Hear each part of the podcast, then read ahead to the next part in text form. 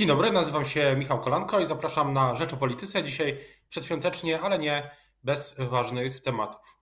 Dzień dobry. Państwa i moim e, gościem dzisiaj w Rzecz o Polityce jest Krzysztof Gawkowski, szef klubu Nowej Lewicy w Sejmie. Dzień dobry. Dzień dobry panie redaktorze, witam państwa.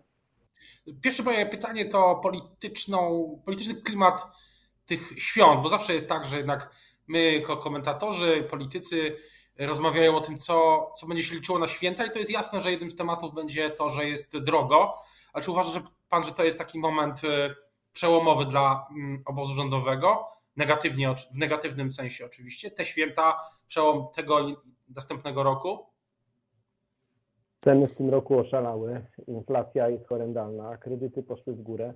Myślę, że każdy obywatel, każda obywatelka wie doskonale, że w jego portfelu jest coraz mniej pieniędzy jeżeli chleb poszedł do góry 50%, 30% poszły e, niektóre warzywa, 90% masło, a 120% w górę ziemniaki, to jest obecne na każdym polskim stole i wystarczy popatrzeć, jakie płacimy rachunki dzisiaj, a jakie płaciliśmy rachunki w 2020 roku.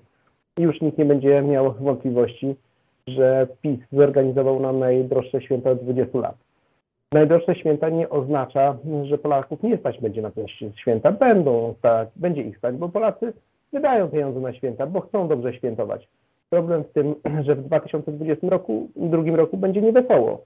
Będzie coraz więcej pieniędzy zostawało, ale w budżecie, bo jedyny, kto zarabia na tym kryzysie finansowym, na tym kryzysie drożyzny, to jest rząd. Dzięki VAT-owi którym spływa większą ilością do budżetu państwa. Morawiecki ma pełną kieszeń i jego firma, a mniej pieniędzy zostaje obywateli.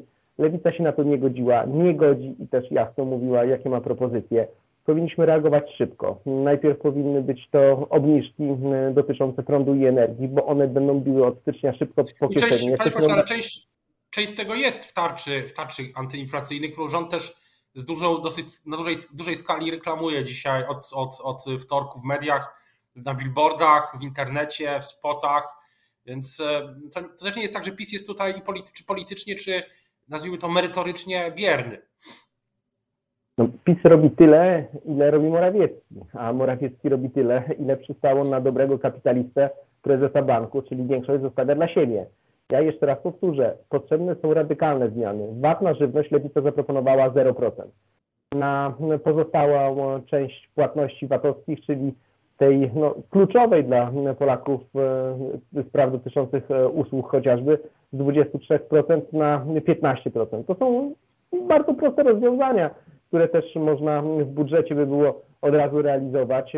Trzeba, trzeba tylko chcieć. Kaczyński nieraz mówił, że nie będzie podwyżek e, podatków, tylko że te podwyżki podatków są cały czas, a sprawa dotycząca kluczowego rozwiązania Polskiego Ładu, bo przecież z Polskim Ładem związało PiS wielkie nadzieje, widać wyraźnie, że nie będzie pomagała większości Polaków. Oczywiście są jakieś marginalne grupy, które zyskają, ale większość Polaków straci. Stracą przedsiębiorcy, stracą średnia klasa, straci. Straci wiele osób, które pracowało na jednoosobowych działalnościach gospodarczych i żadna tarcza inflacyjna mm, nie pomoże. To jest bieda tarcza, to znaczy rząd wyszczuplił na kilka tygodni jakieś pieniądze po to, żeby udowodnić, że coś tam jest, ale tutaj trzeba rozwiązań systemowych, a takich mi brakuje i takie na stole położyła Lewica. Właśnie, e, przechodząc do, do samej lewicy, w jakiej kondycji dzisiaj jest e, e, lewica? Bo wydawało się, że po tym weselu, jak to powiedział Adrian Zandberg, weselu, czyli kongresie zjednoczeniowym na początku października, wszystko się, zacznie się w jakiś sensie układać. Tymczasem niedawno kilka osób opuściło klub lewicy, przyłączając się do partii PPS. Więc jak, jak, jak, jak dla Pana wypada ten polityczny bilans no już całego roku w zasadzie? Pod względem programowym myślę, że jesteśmy w bardzo dobrej kondycji. Przyjęliśmy program i wytyczne, które jasno wskazują, co będzie głównymi takimi nogami naszego jej działalności w 2022 roku. Z jednej strony to są sprawy społeczno-socjalne, między innymi te dotyczące lepszych wynagrodzeń, godnej pracy, możliwości pójścia na dłuższy urlop, spraw dotyczących e, opieki nad pracownikiem. To jest mocna jedna noga. Druga dotyczy tego kręgosłupa prawno-człowieczego, czyli sprawy światopoglądowe, rozdziału państwa od kościoła, gdzie lewica zawsze mówiła mocnym i odważnym językiem, ale również sprawy, które dzisiaj są dla Polski ważne, tak na przyszłość, e, myślę, że i w tej i w kolejnej dekadzie, czyli ekologia, myślenie o tym, żeby odchodzić się od gospodarki wysokoemisyjnej, transformacja energetyczna, taka oparta na odnawialnych źródłach energii, myślenie o tym, jak doinwestować w służbę zdrowia, żeby takie kryzysy jak covidowy, pandemiczny nie odczuwały większość Polaków w tragiczny sposób, między innymi zgonami ponadwymiarowymi. Więc te wszystkie elementy złożyliśmy w jedną paczkę i będziemy ją w 2022 roku konsekwentnie, miesiąc po miesiącu sprzedawali. Sprzedawali, pokazując, jakie mamy pomysły, ustawy. Zresztą tych ustaw w parlamencie Klub Lewicy złożył mnóstwo.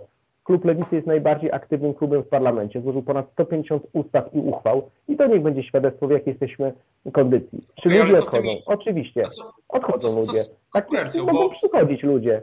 Mm, ja, ja, ja, dzisiaj nikogo nie będę krytykował, bo są święta. Ja wszystkim kibicuję, ale jak patrzę na, na to, co się dzieje u przyjaciół w PPS-ie, którzy założyli koło parlamentarne, a partia chce ich za to wyrzucić, Myślę, że oni niech się zajmą swoimi problemami, bo nowa lewica idzie do przodu. Koalicja z partią Razem została niedawno na klubie parlamentarnym potwierdzona. Razem zrobiliśmy naprawdę dużo dobrego dla Polski. Ja jestem przekonany, że lewica w 2022 roku będzie wzrastała, bo ma po prostu ku temu wszelkie powody. Powiedział pan, powiedział pan że odchodzą, ale mogą przychodzić. Ktoś, ktoś konkretny przyjdzie do, do lewicy, już pewnie, pewnie nie dzisiaj ani jutro, ale po świętach w nowym roku? Drzwi klubu parlamentarnego lewicy nie są dla nikogo zamknięte, a na pewno dla tych, którzy mają lewicowe poglądy, myślą o nowoczesnym państwie, chcą modernizacji gospodarki, oczekują, że państwo będzie opierało się po stronie obywatela, które nie będzie zamykało oczu na COVID. To my takich ludzi chcemy przyjmować, chcemy z nimi współpracować. Jeżeli ktoś będzie chciał z nami współpracować, to na pewno i władze Nowej Lewicy, partii Razem i klubu parlamentarnego będą otwierały ręce i mówiły witajcie, chodźcie razem, pracujmy, bo dla Polski warto iść po stronie lewicy. To brzmi tak, jakby ktoś konkretny już panu był, miał pan kogoś na myśli. Drzwi lewicy są naprawdę dla wielu osób otwarte. W polskim parlamencie, w wielu e, klubach parlamentarnych są osoby, które mają serce po lewej stronie i nie tylko ze, ze względu na anatomię, ale dlatego, że po prostu tam są ich poglądy.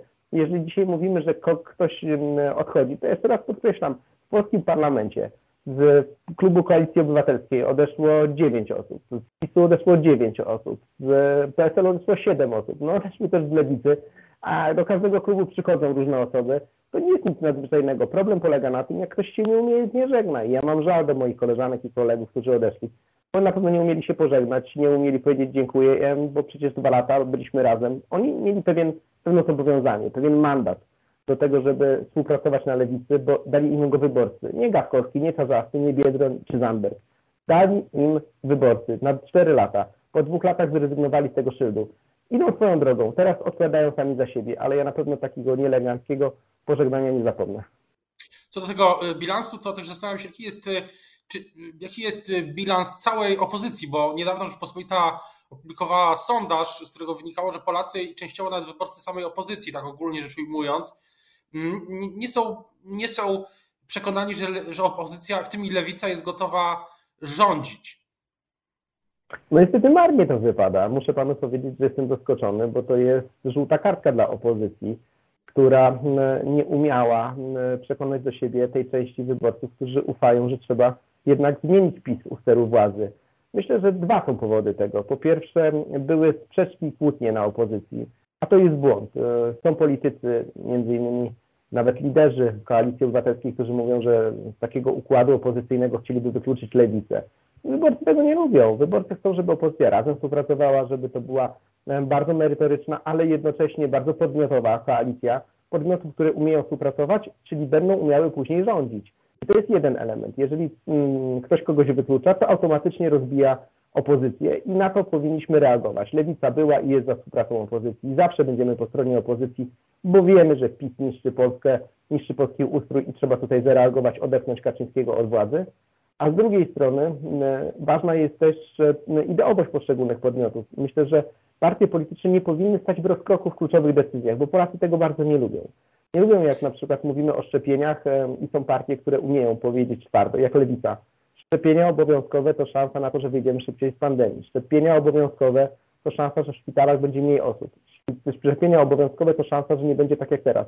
Umierało kilkaset osób dziennie. Panie redaktorze, od początku pandemii um, umarło kilkadziesiąt tysięcy ludzi, a w ostatnich tygodniach od kiedy Lewica zgłosiła projekt o szczepieniach, umarło kilka tysięcy ludzi dodatkowo. To pokazuje rozmiar mm, mm, głupoty tej władzy, która nie reaguje. I tutaj opozycja powinna razem reagować, dlatego my apelujemy do opozycji, chodźcie z nami w takich projektach, ale my też potrafimy z opozycją współpracować i jeżeli na przykład zgłaszają projekty, to my chętnie się pod nimi podpisujemy. Więc kwestia... myślę, że te dwa elementy są ważne bardzo, których zabrakło i dlatego tak nas oceniają wyborcy. A sama kwestia tych głosowań w Sejmie i tego dyscyplinowania, znaczy nie tyle dyscyplinowania, mobilizacji. Niedawno portal Okopres y, przyniósł informację, że y, w Platformie Obywatelskiej, w Klubie Koalicji Obywatelskiej ma być taki specjalny system y, punktowy za obecność i głosowania, aktywność w social media. Czy, czy w Lewicy też tak będzie? Planuje Pan taką niespodziankę w, w klubie na przyszły rok? Jakieś punkty i tak dalej?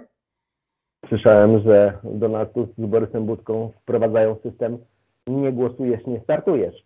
No pewnie dobry dla Platformy, dlatego że skoro ich nie ma na głosowaniach, no to trzeba reagować. Lewica na głosowaniach jest obecna. Lewica zazwyczaj ma 99-100% frekwencję.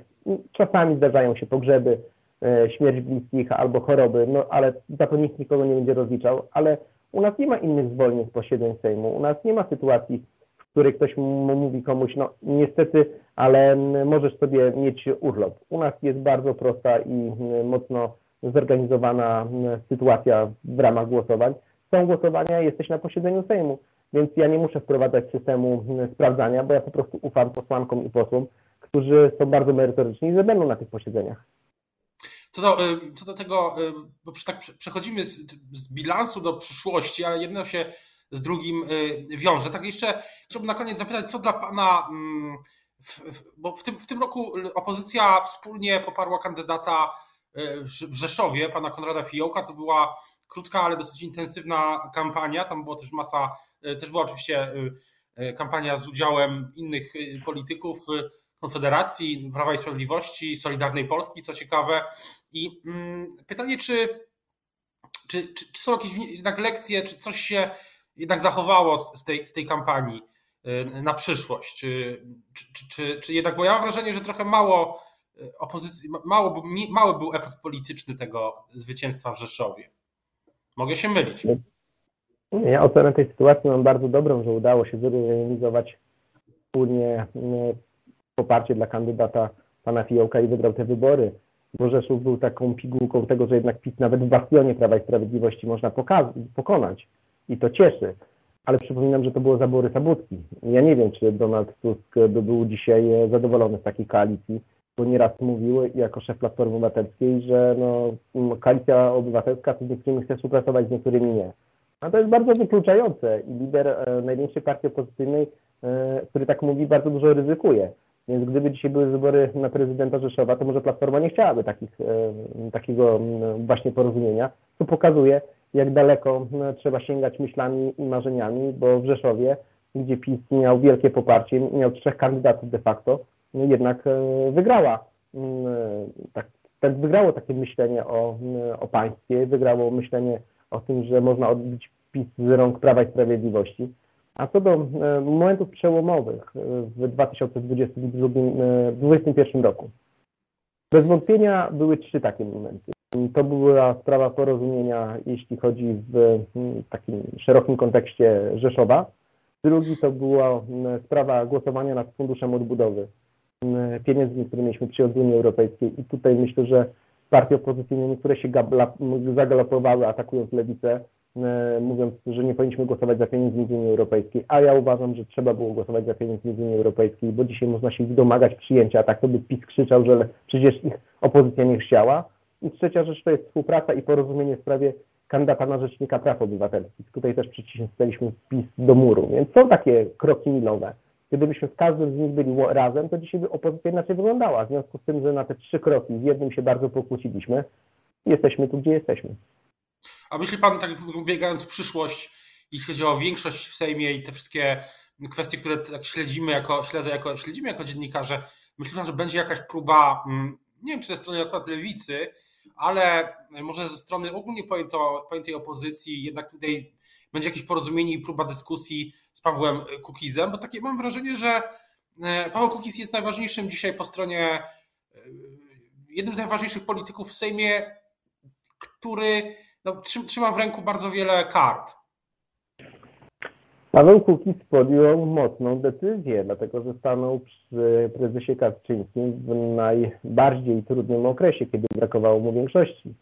Poparł ustawę Lex TVN, czyli ograniczającą wolność mediów. Doprowadził do wsparcia Polskiego Ładu, który odbiera szansę na godne życie milionom Polaków. Paweł Kukiz żyruje ten rząd w czasie, gdy jego ministrem jest pan Łukasz Mejza, Ministerstwo Sportu, przypominam. Te wszystkie elementy są na sumieniu pana Kukiza i dzisiaj, jeżeli Paweł chciałby e, zmienić zdanie, to pewnie opozycja by go z przyjemnością przyjęła, tyle że po żyrowaniu tak mocnej decyzji trudno będzie się odwrócić od tego rządu. Zresztą nie czuję po wypowiedziach Pawła, że będzie taka możliwość.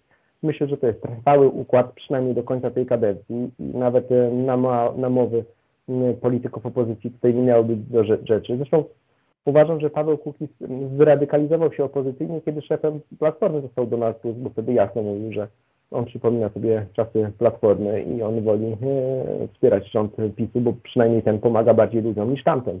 Więc to mają znaczenie też układy personalne. Myślę, że to w rękach Donalda Tuska jest to, żeby spróbowali się spotkać wszyscy szefowie i liderzy opozycji. Zresztą to, że on takiego spotkania, będąc szefem Platformy, do tej pory nie zorganizował, to trochę jest dla mnie śmieszne, bo Borys Budka spotkania szefów opozycji co jakiś czas, ale organizował, a Donald Tusk przyszedł i nawet nie, nie zadzwonił. Ale jeśli dobrze zrozumiałem, że od chwili, gdy Donald Tusk został szefem Platformy, już nawet nie mówię tym PO w lipcu, ale formalnie w październiku, i dobrze pamiętam, mm, pod koniec października, bo 23, to nie było nawet dzisiaj 23 grudnia, czyli dwa miesiące, nie było żadnego, żadnej inicjatywy, żadnego pomysłu, konceptu ze strony Platformy, bo ona jest mimo wszystko, przynajmniej liczebnie, klub koalicji jest największy. Y, żadnego zaproszenia dla, dla pana, dla pana Władysława Kośniaka-Kamysza, czy dla pana y, przewodniczącego Hołowni, czy przewodniczącej y, koła, koła pani poseł Gilpiotek, jak rozumiem, cisza. Borys Budka organizował różnego rodzaju spotkania e, i Cezary Tomczyk, który był szefem klubu, które dawały poczucie, że opozycja z sobą współpracuje rozmowy, spotkania, czasami zdalne, czasami w realu, ale odbywały się. Kiedy Donald Tusk jest szefem, takich spotkań nie było, takich spotkań nie ma. Dlaczego? Myślę, że jest powód bardzo prosty. Donald Tusk uważa, że sam podejmuje decyzje. To jest jego oczywiście sprawa, ale bez wcześniejszych rozmów na opozycji trudno oczekiwać, że wyborcy będą później wierzyli, że my będziemy wspólnie rządzili. No to to jest tak jakby pytać drwala, czy idzie do lasu, żeby ściąć drzewo, no on by mówił idę, ale siekiery nie zabieram, no to, to jak będziesz ścinał to drzewo? No to jest pokaz takiej nieumiejętności w politykę, a myślę, że kto jak kto to Donald Tusk to potrafi, więc jeżeli to potrafi, no to robi to świadomie, a jak robi to świadomie, to znaczy zależy mu na innych elementach na scenie politycznej niż na tym, żeby opozycję pokazywać razem. Zobaczymy, jak będzie w tym roku, teraz już, e, w przyszłym roku, w 2022, czy to podejście się zmieni. E, ja z kuluarów rzeczywiście też słyszę, że na przykład były jakieś rozmowy też w charakterze quasi programowym, inne też w pewnym momencie wyglądały nawet całkiem okazale, o ile mogę użyć tego słowa, ale teraz też zapadła, zapadła cisza, zobaczymy, czy się to zmieni w przyszłości. Teraz bardzo dziękuję za rozmowę. Państwa i moim gościem dzisiaj był Krzysztof Gawkowski, szef klubu Lewicy w Sejmie. Życzę Państwu, Panu dużo zdrowia, dobrych świąt i do usłyszenia, do zobaczenia w następnym poniedziałek. Dziękuję bardzo. Zdrowych, wesołych świąt Państwu życzę i wszystkiego dobrego. Do zobaczenia w poniedziałek, po, po świętach oczywiście. Do, do usłyszenia. Pozdrawiam.